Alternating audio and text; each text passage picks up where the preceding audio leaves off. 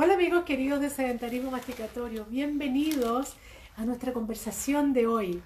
Em, hoy tenemos como invitada a Rosita Juárez. Rosita Juárez la tuvimos también invitada el año pasado em, en virtud del, evento em, del Congreso. El Congreso de, en, este, en esta ocasión se trata del perdón, quinto Congreso Latinoamericano de Medicina y Nutrición Ortomolecular y el cuarto Congreso Peruano de Nutrigenómica y Medicina Ortomolecular. Eh, Rosita, eh, es, eh, ella es nutricionista, es diplomada en nutrigenómica y medicina ortomolecular, certificada en nutrición celular ortomolecular e integrativa, gerente de Nutriline, la empresa que gestiona este congreso, este magnífico congreso eh, peruano todos los años y eh, ha hecho la formación en, nutrición ortomolecular con el doctor Efraín Olsewer y actualmente, eh, actualmente ella se encuentra realizando un doctorado en nutrición. la verdad es que yo conozco a, a Rosita hace varios años, antes que ella iniciara su trabajo de este trabajo educativo y este tremendo trabajo de difusión, de difusión científica eh, a través de este congreso y de otras actividades que hace Nutriline. Y em, em, la verdad es que siempre es una, es una alegría em, participar en el, en el, Congreso de Rosita, eh, ya sea como participante, como alumna o como, como como oyente y como conferencista. Este año nuevamente Rosita me ha invitado, eh, muy agradecida sobre todo por la confianza y sobre todo porque eh, eh, y, esta instancia de ambos congresos anuales consideran la importancia que tiene la odontología, la salud oral, y la salud oral no solamente en, en, este aspecto de la que está reducido a la boca, que es lo que siempre conversamos en, en sedentarismo masticatorio, eh, sino también en, eh, este mm, aspecto tan relevante de la relación, la vinculación que hay entre eh, la, salud oral y la salud sistémica. Cuando, em, cuando uno logra como profesional comprender, como, profesional de la salud, de cualquier área de, la que se trate, uno logra comprender la vinculación tan, tan relevante eh, que hay eh, con, em, entre, entre lo que sucede en la boca desde los inicios de la vida, incluso desde la vida intrauterina, y el resto de la, de, la salud, eh, no solo la salud sistémica en cuanto a si estoy en salud o en enfermedad, sino en felicidad. Em, entonces uno, uno comprende la importancia que tiene. Vamos a hacer la invitación a Rosita. Rosita, te vamos a enviar la invitación ahora. Y por ahí estás, te acabamos de encontrar. Te vamos Por ahí estás, Rosita. Veamos si ya te ha llegado. Bueno, vamos a hablar de Rosita, querida. Bienvenida, mucho gusto, bienvenida nuevamente a, esta conversación eh, tan enriquecedora eh, de sedentarismo masticatorio. Bienvenida a, ti, Rosita, bienvenido a Nutriline, bienvenido a tu trabajo, eh, tu eh, increíble trabajo de, de, organización de este congreso anual, que a mí no me cabe duda, tengo muy claro lo que significa preparar este congreso todos los años. Así que bienvenida y muchas gracias por nuestra invitación. No, gracias. Por nuestra invitación. No, gracias a ti por la invitación. Siempre es un gusto conversar contigo, aunque no nos podemos ver todavía de manera presencial, pero creo que estos medios y las redes sociales nos ayudan tanto y han, hecho que durante este tiempo estemos siempre conectados. Sí, siempre vigentes y siempre conectados. Eh, Rosita, eh, te voy a ir preguntando cosas que eh, nosotros ya las sabemos, pero como se han sumado a lo largo del tiempo eh, nuestros amigos de sedentarismo masticatorio y como además estas conversaciones quedan en www.sedentarismomasticatorio.cl y eh, después entran eh, muchas personas a escucharlo, estamos en Spotify también. lo primero que te voy a preguntar, ¿Qué es la nutrición ortomolecular? Bueno, cuando iniciamos en, este mundo del ortomolecular, en esos inicios, eh, teníamos así como el concepto un poco no tan claro como el que tenemos ahora, y hablamos de nutrición ortomolecular cuando nosotros tenemos que ver, eh, buscar la homeostasis, la regulación de nuestro sistema, y comenzando desde, desde las moléculas, porque hablamos de célula, pero hablamos más allá. Y cómo es que llegamos allí y cómo es que damos los nutrientes necesarios para que nuestra bioquímica funcione de manera correcta. Si algo de eso no está funcionando adecuadamente, entonces vamos a entrar, vamos a pasar de la fisiología a la fisiopatología. Significa que ese órgano, ese, tejido va a estar afectado. Entonces, desde la nutrición ortomolecular damos los nutrientes, modulamos inflamación, modulamos neurotransmisores, que es lo que normalmente se, busca en la ortomolecular, y eh, buscamos la estabilidad y el equilibrio de las células y esa bioquímica que funcione de la manera más adecuada. Entonces, eso es lo que hacemos en nutrición ortomolecular.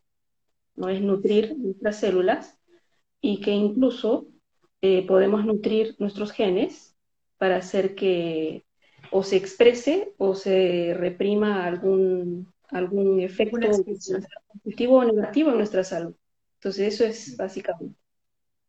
Ahora, a propósito del, título y del tema central de este congreso, em, eh, también la, nutrición ortomolecular puede también modular el sistema inmunológico, ahora que está tan en boga, que la gente ha ido comprendiendo la importancia que tiene cuidar nuestro sistema inmunológico. ¿También lo puede hacer la nutrición? Claro, hablamos de lo que es inmunomodulación y ahí usamos nutrientes como por ejemplo la vitamina D, ¿no? que nos va a ayudar en ese proceso. Hablamos del zinc, que tiene una relación directa sobre la inmunidad innata y la inmunidad adquirida. Entonces sí, también hacemos inmunomodulación y esa es la razón por la cual pusimos ese nombre, como lema para el Congreso de este año.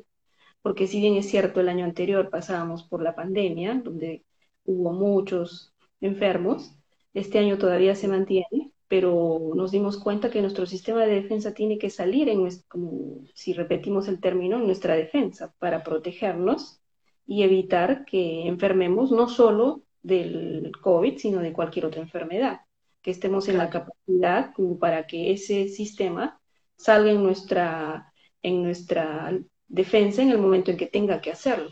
Entonces eso es lo que se busca cuando nos enfocamos en lo que significa nuestro sistema inmunológico, que está tan deprimido en estos días por muchos factores del entorno, ¿no? Es la genética, del tipo de alimentación, de la forma de vida, ¿no? de la cronodisrupción. Entonces son muchos factores que están influyendo en nuestro sistema inmunológico. Entonces buscamos, eh, es buscar el, buscamos el equilibrio, ¿no? de que eso funcione de la forma más adecuada para que nuestro organismo esté con todas sus capacidades y nuestro sistema de defensa salga, como su nombre lo dice, en nuestra defensa. Claro. Ahora, eh, te voy a hacer otra pregunta. ¿Qué es la nutrigenómica? Nutrir al gen, en términos simples, es darle el nutriente que necesita un gen. Nosotros tenemos eh, un, número determinado de genes y, ellos van a necesitar alimento. Y el alimento va a depender de qué tipo de nutriente va a ser necesario y en qué momento vamos a necesitar incluirlo. Entonces hacemos nutrigenómica en realidad todo el tiempo. Quienes hacemos ortomolecular todo el tiempo estamos haciendo eso. Estamos buscando qué alimento nos va a ayudar para lograr o qué conjunto de alimentos y todas las biomoléculas que puedan contener esos alimentos nos ayuden a mejorar la salud o a estabilizar alguna patología que pueda tener la persona. Ahora, ¿qué rol juegan? Em, estoy pensando en, em, nos acabas de contar que eh, eh, estos nutrientes ayudan al sistema inmunológico y también ayudan a alimentar los genes, ¿no es cierto?, para expresarse o no, o para apagarse. Pero cuando tenemos una, eh, una contaminación del ambiente de la célula, porque vivimos en un ambiente mundial actual bastante contaminado, y también se contamina el ambiente de la, de la célula. También con la, con la nutrición podemos ejercer alguna acción para mejorar el mundo que rodea la célula, ese mundo que, que nosotros necesitamos que la célula así como nosotros necesitamos un aire limpio, agua limpia, eh, verde, etcétera, eh, la célula también. Eh, ¿Se puede hacer a través de la nutrición? Creo que la nutrición está cumpliendo un rol clave, siempre lo ha sido, pero a partir de la pandemia creo que se cambió y se giró un poco para ver ese tema, que antes no se consideraba, no se tomaba con la importancia que tenía que ser. Y hoy en día sí se está viendo que existen muchos nutrientes que en algún momento no, no se les daba la importancia, por ejemplo, vitamina, antes vitamina C, era incluso hay una dosificación y un requerimiento de 70 miligramos, que es lo que da la OMS como requerimiento, pero nosotros hemos visto que esa cantidad es mínima, es una cantidad muy pequeña y, en realidad nuestra necesidad es mayor. En estos días, como tú dices, nuestra matrix ha sido afectada, dañada por muchos factores externos y entonces los nutrientes que estamos recibiendo, primero porque no tenemos una buena absorción, no hay una buena digestión y entonces no estamos absorbiendo realmente la cantidad de nutrientes que necesitan nuestras células y eso nos lleva a, una, a un desequilibrio. Entonces, yo creo que es importante el, buscar la homeodinamia, como dice el doctor Ovirne, que nuestro organismo realmente reciba todos los nutrientes que necesita desde lo que son los alimentos externos, vía alimento externo, pero también hay un conjunto de situaciones que ocurren dentro de nuestro organismo que muchas veces van a ser afectados. Y ese, ese afectar, ese, ese medio interno, es el que nos produce grandes problemas. Entonces, eh, eh, tenemos que cambiar un poquito a, todos los hábitos y costumbres y todo lo que normalmente estamos haciendo en estos días. Creo que muchos ya lo cambiamos, hemos girado un poco y estamos haciendo cosas completamente distintas, tratando de cuidar y proteger nuestra salud. Y hablando desde, por ejemplo, cuando hacía la programación del Congreso, yo decía, bueno, tiene que ser algo que enfoque todo, ¿no? que sea global, que no solo hablemos de nutrición, que ya porque yo como nutricionista eh, tendería siempre a buscar que sea solo nutrición, pero nos damos cuenta que no solamente es hablar de nutrición, tenemos que hablar de otros temas que también son importantes y que al final van a ser el integrativo de todo.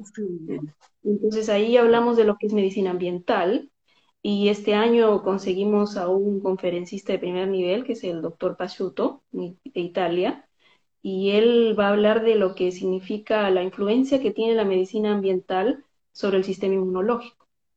Entonces, eh, y, yendo más allá, entonces decíamos ahora también necesitamos hablar de los dientes y de la boca y de todo lo que significa nuestra dentadura, porque tiene una influencia importantísima, tanto desde el proceso de la masticación para la ingesta de alimentos, como de, de lo que pasa en nuestro organismo si tenemos una infección que se puede iniciar desde la boca o una inflamación que puede iniciarse desde la boca. Entonces, por eso es que buscamos a la experta en odontología integrativa que nos ayude con ese tema. Y así seguimos buscando. Entonces decíamos, ¿y ahora qué hacemos? Bueno, estamos en una época de vacunación y también tenemos que hablar de eso. O sea, ¿qué pasa con nuestro sistema inmunológico en la vacunación? ¿Qué es lo que está sucediendo en quienes se vacunan y quienes no se vacunan? Entonces también tenemos que poner en debate ese tema. Y entonces buscamos también al, experto que nos pueda hablar de eso. Entonces, cada, cada tema que hemos considerado en el programa tiene esa, esa, ese objetivo, ¿no? De buscar que realmente lo veamos desde un todo, desde un integrativo, no desde una individualidad. Aunque necesitamos la individualidad bioquímica dentro del ortomolecular, pero si vamos más allá, dentro de los profesionales que estamos vinculados en esto, necesitamos a todos los profesionales de la salud que estemos eh, ahí, dando en el, en el, aporte que se necesita para buscar la salud íntegra de cada una de las personas con las cuales nosotros o ayudemos como pacientes o estén en nuestro entorno familiar, que es lo que creo que es nuestra, nuestra misión ¿no? Como profesionales en el área. Entonces, esa es la razón por la cual muchos de los temas, por ejemplo, microbiota, que es un tema que también es importante y se tiene que tomar en cuenta, porque ahí también tenemos una relación directa con nuestro sistema inmunológico. Y esa es la razón por la cual también está considerado dentro de la programación del Congreso. Eh, si bien es cierto, en el Congreso tenemos temas de 30, 40 minutos, pero es como que nos damos una visión general, panorámica de todo, y ya nos va a tocar hacerla, profundizar en cada uno de esos temas y ir más allá. Porque en realidad ir más allá significa ir hacia, hacia qué pasa con los eh, transmisores, qué pasa con los receptores, qué pasa con, todos los factores de transcripción que están relacionados a nivel de la, de la, de la célula, que es un tema evidentemente bioquímico, un poco complejo, pero que cuando uno comienza a notarlo o a verlo, a revisarlo, se da cuenta que todo tiene relación con todo y si es que esto se afecta, también va a afectar así como en cadena todo lo demás. Y si organizamos esto, también vamos a organizar todo lo demás. Entonces nuestro organismo funciona de esa forma, de una manera muy dinámica, siempre estamos cambiando, siempre estamos eh, regenerando, siempre estamos en ese proceso de cambio continuo. Y creo que hacia ahí vamos. hacia buscar esa estabilidad, ese equilibrio dentro de todo ese proceso para que estemos sanos y saludables, que es lo que todos queremos. Busquemos la salud y que nos podamos adaptar incluso a situaciones de enfermedades que no conocemos, nuestro organismo no las ha conocido y que ha tenido que conocerlas, aunque bruscamente y de una mala forma, pienso, con una pandemia como la del año anterior, pero que eso nos da también como la capacidad de abrir un poco los ojos y decir que probablemente no sea solo la, única enfermedad que tengamos en el lapso de nuestra vida, podrá aparecer, podrán aparecer muchas más y tenemos que tener la capacidad de, de adaptarnos y tener un sistema inmunológico en plena capacidad como para defendernos, como para estar preparados para cualquier situación y no tengamos que llegar a algo grave o enfermar muy gravemente e incluso llegar a la muerte. Entonces, siento que eh, va por, por, ese, por ese camino. Sí.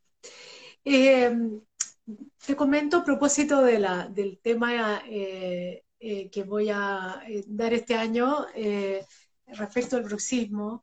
te comento que en la clínica, para mí, lo, lo, que más yo he visto a propósito de, de este estado, este estado de, de pandemia, de, medidas, eh, medidas de, confinamiento, en fin, de todas las cosas que han sucedido en, el mundo, lo que yo he visto que ha sido alarmante y un poco eh, me adelanto con esto muy poquito respecto al tema que, eh, que voy a dar este año, lo que yo más he visto son, son las secuelas del bruxismo, que está absolutamente vinculado, y es lo que he pesquisado en la clínica también, eh, bueno, fractura dentaria, pero eh, las secuelas de, este bruxismo, no solo eh, fracturas, y en el origen también el estrés y em, los cambios de alimentación.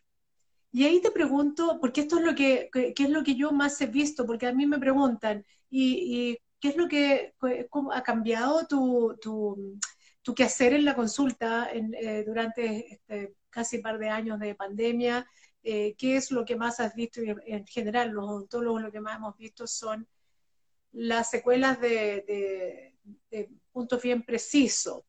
En tu clínica de nutricionista, ¿cómo se ha transformado eso? ¿Qué es lo que ha explotado? Para nosotros han explotado las consultas por dolor, yo que soy endodoncista, por dolor, por fracturas dentarias, por ejemplo. Eh, y que detrás de eso está el estrés, la mala nutrición, en fin, varias otras cosas malas, higiene del sueño, o sea, la cronobiología, etcétera. ¿Qué es lo que ha explotado en tu consulta, ya sea como secuela de la enfermedad, los que han tenido COVID, como secuela de, los, de, la, vacunación, hay gente que ha tenido reacciones diversas, eh, y como cambios de hábitos por el confinamiento? Bueno, en la consulta en el último tiempo, que sí ha sido muy notorio, es eh, la influencia que ha tenido el estrés eh, sobre las personas. Eh, aquellos que han estado confinados, que han sido la mayoría, han, visto afectada su, su entorno en cuanto al tipo de alimentación que tenían y muchos o lo han cambiado o lo han empeorado. Entonces, cuando yo eh, alguna vez iba al supermercado y me ponía a ver qué tipo de alimentos las personas estaban comprando, como curiosidad, ¿no? Entonces uno se pone a ver y dice, a ver, eh, no, o sea, acá no ha habido cambio. En este grupo de personas no ha habido cambio porque están comprando lo mismo que compraban siempre. La bebida gaseosa, alimentos ultraprocesados, dulces, porque el, grado de ansiedad por el dulce ha sido altísimo. O sea, las personas lo primero que salieron a buscar es algo dulce, o sea, buscar, un, no sé, un pedazo de torta o un postre o un poco de gaseosa, de bebida o gaseosa alcohol. o alcohol. Entonces, como un, como al estar así, ¿no? Y esto ha hecho que, su, que suban de peso. La mayor parte de personas han ganado peso en este tiempo. Y no ha sido una ganancia de peso de un par de kilos, ha sido una ganancia promedio de unos 5 a 6, incluso un poco más kilos de peso. Entonces, quienes nunca tuvieron problemas de peso, ahora lo tienen, porque ganaron peso durante este tiempo. Y lo otro es que ese estrés en muchas de las personas también cambió hacia procesos inflamatorios frecuentes, procesos inflamatorios ya sea a nivel intestinal o a nivel global, incluso en articulaciones. Entonces el, grado de inflamación en las personas ha sido alto. ¿no? Entonces uno ve en la consulta y dice, obvio, si, hay un problema de, peso, de, exceso de células grasas adiposas, hay un proceso inflamatorio. Pero además, eh, el sedentarismo, porque no se podía salir, no se podía hacer ejercicio. Entonces la persona estaba confinada, estaba comiendo todo el tiempo y además estaba sin hacer ejercicio. Y eso lo llevó a, la ganancia de peso en, algún, en un grupo de personas. Mientras que probablemente en otro grupo de personas el efecto haya sido más en un tema de depresión depresión que lo llevó a comer muy poco o nada, o comer mucho, entonces se iba a los extremos, o ganaba peso o perdía peso.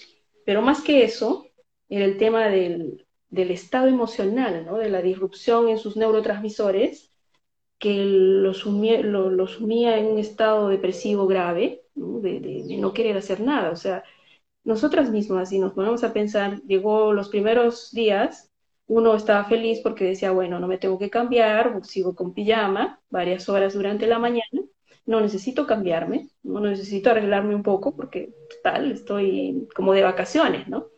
Pero llega un momento en el que uno se da cuenta que ya, pues, o sea, vacaciones, uno normalmente toma vacaciones, no sé, dos semanas, tres, un mes, ¿no? Pero no más. Entonces uno ya comienza como a, a inquietarse con esa situación y a decir que algo hay que hacer, pero hay personas que no, que no lograron ese algo hay, algo, hay que hacer, se quedaron ahí estables eh, eh, en, esa situación y lo han mantenido durante muchos meses. Y sacarlos de ese estado. este estado de, eh, un síndrome, diría yo, de estar encerrados y de, y de no salir adelante y no volver a, a, movilizarse. Y Cuéntanos ahora. salir. Lo otro es que ya no se quiere salir de casa. O sea, uno dice, estoy feliz en casa, ya para qué salgo, acá estoy bien. No, no, no quiero salir. Entonces hay personas que sí se están resistiendo mucho a salir, ¿ah? a, salir a, hacer sus actividades a, la calle bajo las condiciones que se puedan, pero no, o sea, prefieren quedarse en casa. O sea, también se, se quedó ahí en esa de reprimirse un poco, de replegarse un poco dentro de casa y no salir. Porque en casa tenemos la comida cercana, entonces cuando uno tiene hambre busca qué comer está cerca. Y cuando si no llamas por teléfono y te la traen. O pide un delivery, o lo, y lo que después descansa, no hace una siesta de varias horas, y una siesta de media hora, sino de unas cuatro horas. Entonces estamos en ese círculo vicioso de, no querer, ¿no? De no querer salir de la situación. Sí. Em, entremos un poquito más de lleno en, eh, en, los invitados. Cuéntanos un poco más de los invitados. Eh, y de, eh, ¿no es cierto?, del tema central, que es la inmunología, y a quiénes está dirigido el, ambos congresos. Bueno, el Congreso va dirigido a los profesionales de salud, aunque siempre hay profesionales de otras áreas que les interesa mucho y, son bienvenidos. Y entonces hemos mm, hecho nuestra, nuestro programa del Congreso para, y hemos invitado a muchos de nuestros amigos y conferencistas de los congresos desde el primer congreso. Este va a ser el quinto congreso. Entonces, cuando hacíamos la programación, igual es como que tú vuelves un poco, ¿no? Y recuerdas el primer congreso cuando iniciamos y lo iniciamos en Arequipa.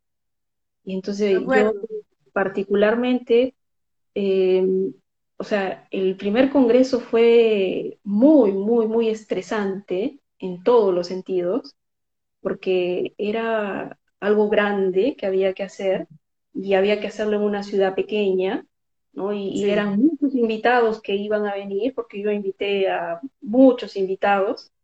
Bajo mi concepto en ese momento estaba bien que todos vengan, pero sí, fue algo muy, muy, muy grande eh, para ese momento, pero también fue enriquecedor, o sea, fue rico porque fue una experiencia de, tener amigos ahí, ¿no? De, comenzar un vínculo de amistad que se mantiene. Que de menos, además. Y entonces eso, eso ya, suficiente, eso ya es, lo, que, lo que uno diría, con eso estoy feliz. Logré, logré eso y, mantenerlo en el tiempo, ¿no? Y ahora estamos en este quinto congreso.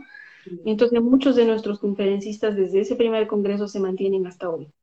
Entonces hablamos del doctor Efraín Olseuber, que es el, padre del ortomolecular para nosotros, y a quien queremos tanto. Y bueno, él siempre está, está, está para nosotros y siempre va a estar presente en nuestros eventos y va a estar también este año en el, en el Congreso. Además de él está Carlos Jaldín, que también es eh, un experto en ortomolecular. Gran médico ortomolecular. Eh, con una experiencia y una, yo diría, una pedagogía y una didáctica para transmitir el conocimiento que es envidiable. O sea, es extraordinario, efectivamente. La capacidad pedagógica que tiene Carlos. Y cómo la, la, puedes enseñar de esa forma, eso es, es así como que, bueno, es, pongámoslo así como un don, ¿no? De, de, poder tener esa capacidad de llegar con el conocimiento. Entonces, él también va a estar con nosotros este año, en, de Brasil, de Chile tenemos a, Alexandra Zúñiga, de la Farma, desde la visión de la, del, del terapéutico, ¿no? Que también nos va a dar una conferencia importante sobre las formulaciones magistrales y enfocado hacia, hacia lo que es este, el sistema inmunológico. Y después estás tú como experta en, en ontología integrativa, y también tenemos, eh, invitamos de Bolivia a dos mm, profesionales también con mucha experiencia. Una de ellas es la doctora Delvi Chávez, que ella es experta en, análisis de laboratorio mm, y en inmunología, es experta en eso. Y la doctora Mercado, que es médico clínica, es experta en medicina ortomolecular. Lo importante de Bolivia es que ellos crearon su escuela de ortomolecular y tienen incluso posgrado de, medicina ortomolecular. Sí, sí, muy interesante eso. Y, han crecido mucho. Yo fui la primera cuando ellos hacían su congreso número 11, me parece. Y, yo no había hecho ninguno.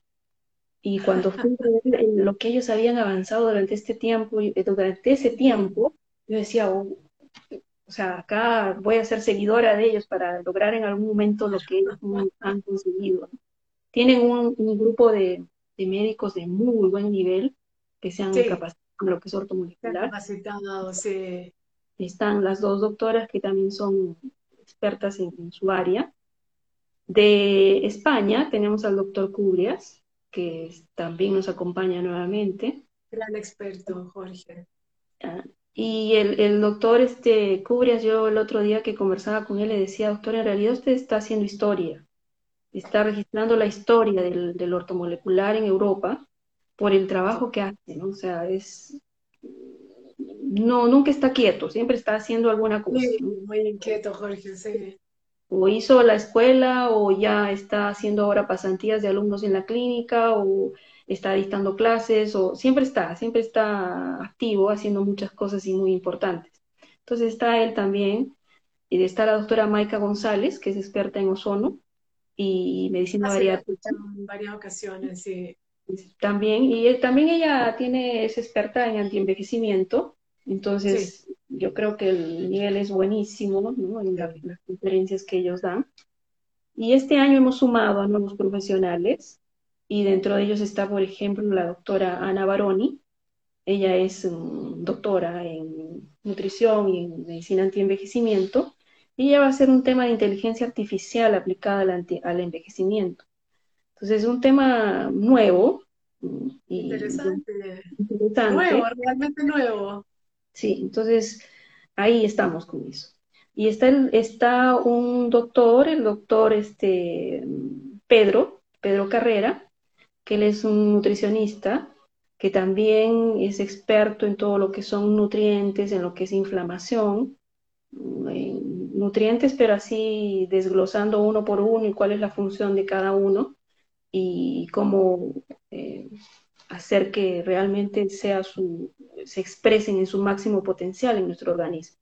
Entonces, eh, Pedro Carrera tiene también, de acuerdo a lo que yo lo escuché en España, conferencias muy buenas, también es muy didáctico en sus presentaciones, así que él va a hacer, va a, hablar, va a hablarnos de melatonina y de algunos micronutrientes y cómo es que... Muy interesante. Ya. Interesante que también eh, está presente ahí en la, en la inmunología y en, la defensa eh, en cuanto al COVID. Sí. en realidad estoy muy contenta por el, el, el, grupo de profesionales, de conferencistas que son de altísimo nivel, todos son muy, muy, muy reconocidos en cada una de sus áreas y eso es una maravilla.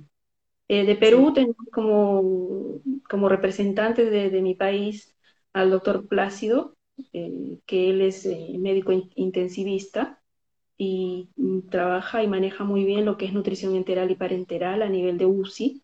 Entonces él va a hablar de intestino y va a hablar un poco también de la experiencia que tiene en el trabajo que hace. Está también la doctora Ricaldi, que ella eh, es bastante joven, la doctora, pero está, muy capacitada y ha ido, se ha capacitado en Brasil. Y tiene, está atendiendo pacientes, entonces sí, también tiene un, un, bagaje de información y de conocimiento que nos va a transmitir. Y, no nos, y también no podíamos dejar de tener con nosotros a un psiquiatra que nos ayude también desde la psiquiatría. Muy importante. Han rebrotado mucho y han, eh, aparecido también eh, cantidades importantes de, patologías asociadas a, la angustia, la, Sí, eh, él nos ayuda con ¿no? Sobre todo a nivel de depresión, según, según lo que él, la, yo le pedí recomendación de qué tema podría ser y creo que el tema que ha propuesto y que está dentro de la programación es bastante bueno, que nos va a dar bastante información, nos va a abrir un poquito camino de lo que está sucediendo con nuestra con nosotros, con la gente. Claro, la clínica actual a propósito de, de, COVID. Eh, Rosita, eh, nos quedan poquitos minutos. ¿De qué manera las personas interesadas pueden inscribirse en el Congreso, pueden participar en el Congreso?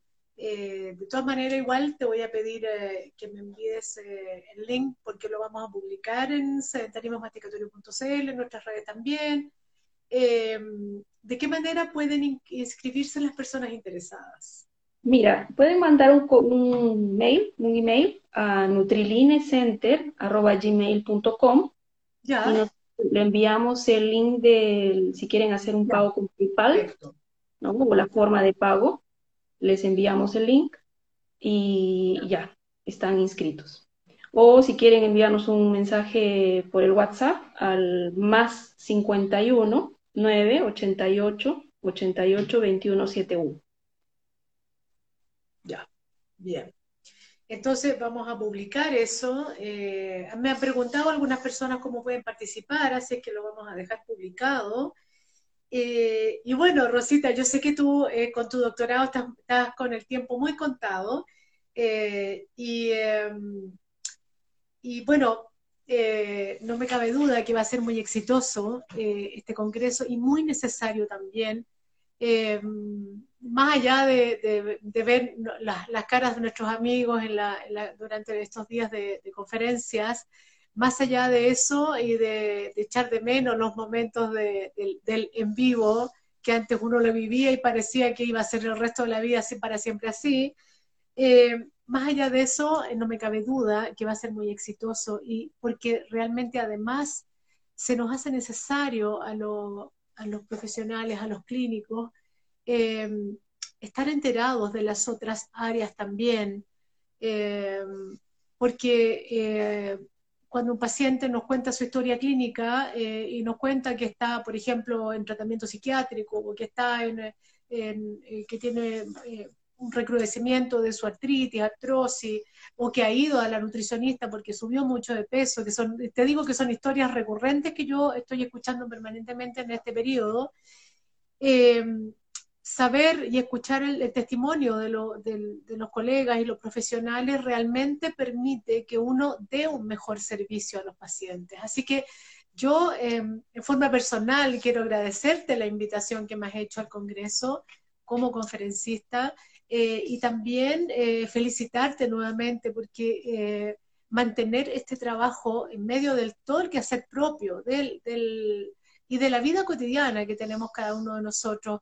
Eh, a veces a los profesionales de la salud se nos pide bastante en cuanto a, tener, a estar presente, a tener la comprensión, en fin, eh, me imagino yo cómo será para, aquellos que están trabajando en primera línea. Eh, sin embargo, nosotros también tenemos una vida propia, una vida y tenemos nuestro, nuestras, nuestras propias angustias o ansiedades respecto de, lo mismo, ¿no?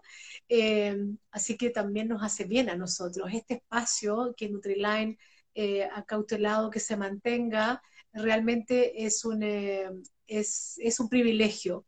Así es que no es que te desee, no, te deseo el éxito, Rosita, porque sé que vas a, vas a tener mucho éxito y, va a ser, y es un éxito que va a ser compartido para nosotros porque eso nos va a permitir dar un mejor servicio a nuestros pacientes. Eh, te dejo estos últimos minutitos que son para ti y eh, eh, después por interno te voy a pedir esos datos para, para poder publicarlos. Así que estos minutitos son para ti, Rosita.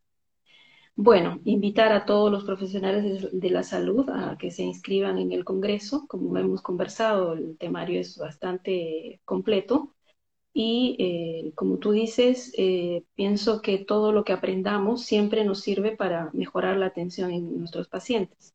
Y si lo vemos desde que podemos trabajar de la mano con el odontólogo, con el psiquiatra, con el profesional de la salud del área necesaria, nuestro trabajo y nuestro aporte a nuestro paciente va a ser mucho mejor. El resultado que vamos a obtener en él va a ser mucho mejor y vamos a buscar que él en realidad eh, llegue a un estado de salud el más acorde, adecuado para su necesidad. Entonces yo creo que dentro de eso es importante el, estar en constante capacitación, en constante adquisición de conocimientos. Entonces es básicamente la razón por la cual eh, me aventuré a, hacer un doctorado, por esa razón, porque quiero conocer muchas cosas que de repente en algún momento no las tenía claras y que en este momento estudiando nuevamente, sí, y cosas nuevas, significa que sí voy a tener que ya entenderlo perfectamente y aplicarlo dentro de mi trabajo con pacientes y en mi vida personal también.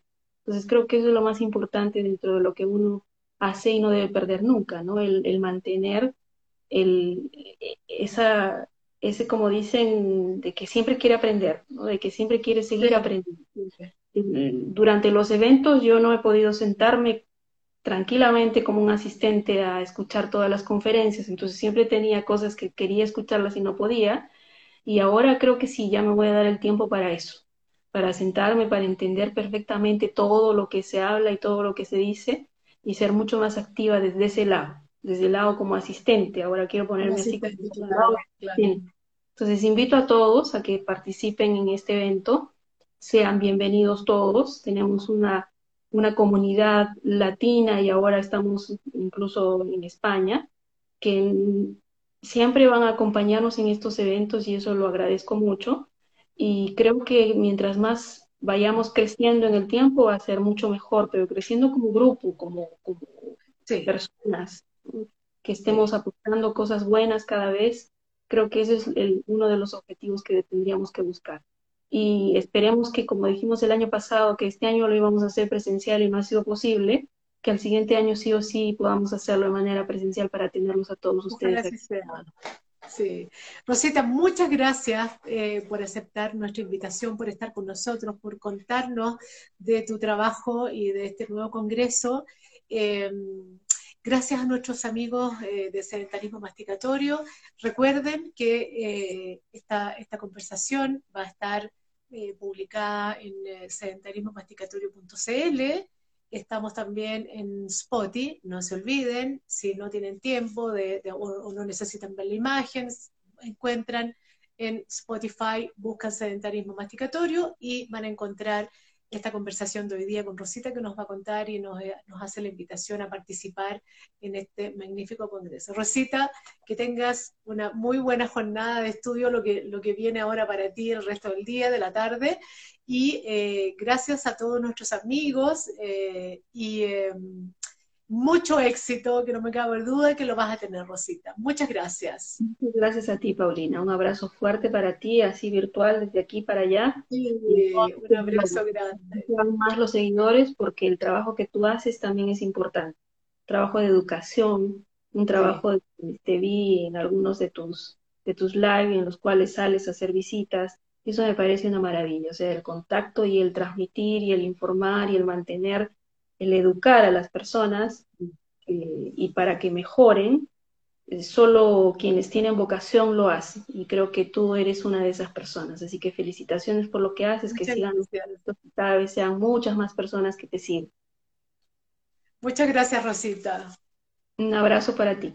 Un abrazo grande. Nos vemos el 27. Nos vemos. Bien.